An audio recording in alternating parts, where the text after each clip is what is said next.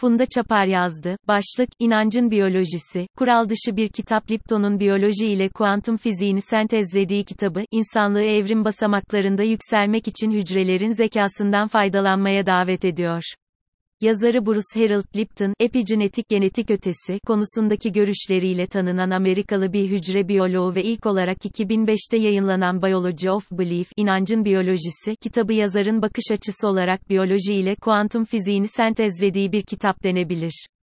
Kitabın yazım dili ise akademik sınırlamalardan sıyrılarak birçoğumuz için rahat okunabilir bir üslup taşır.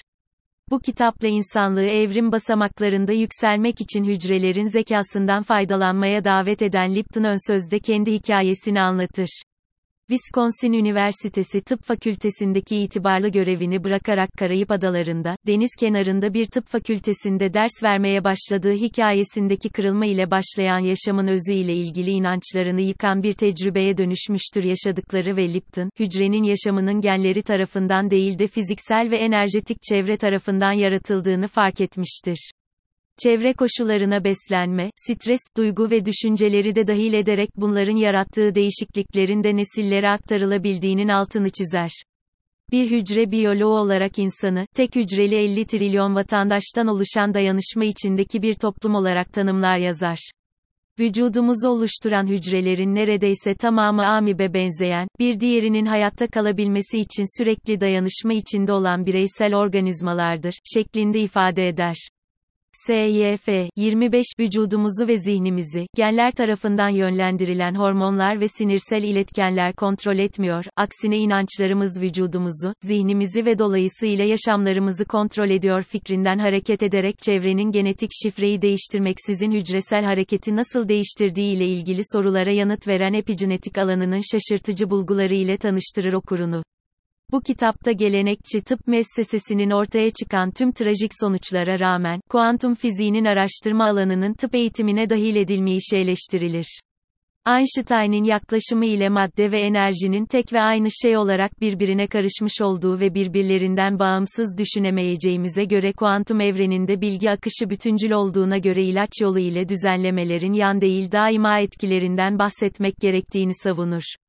Bu durumda antihistamin, östrojen hormonu gibi ilaçların tüm etkilerinden önemli bahseder.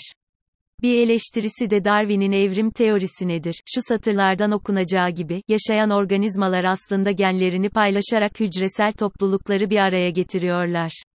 Genlerin bireysel bir organizmadan bir sonraki nesle ancak üreme yoluyla aktarılabildiği düşünülüyordu oysa.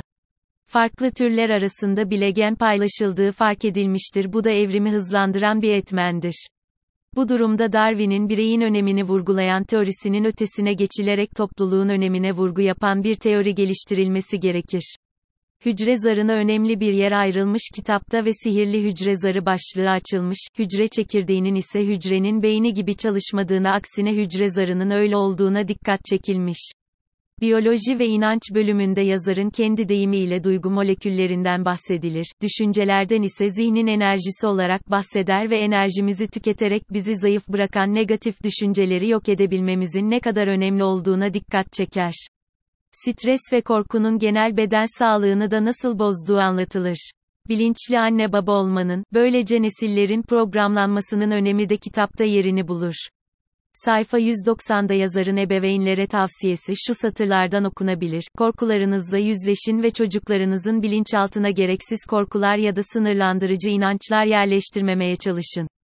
Ve en önemlisi genetik kadercilik anlayışını ne olursa olsun kabul etmeyin. Çocuklarınızın potansiyellerine ulaşmasını sağlayabilirsiniz ve yaşamınızı değiştirebilirsiniz. Genlerinizin esiri değilsiniz. Kitabın son sözü ruh ve bilim başlığı altında Einstein'ın şu sözü ile başlar, yaşayabileceğimiz en güzel ve en derin duygu gizemli olanı hissedebilmektir. Bu bilimin asıl gücüdür.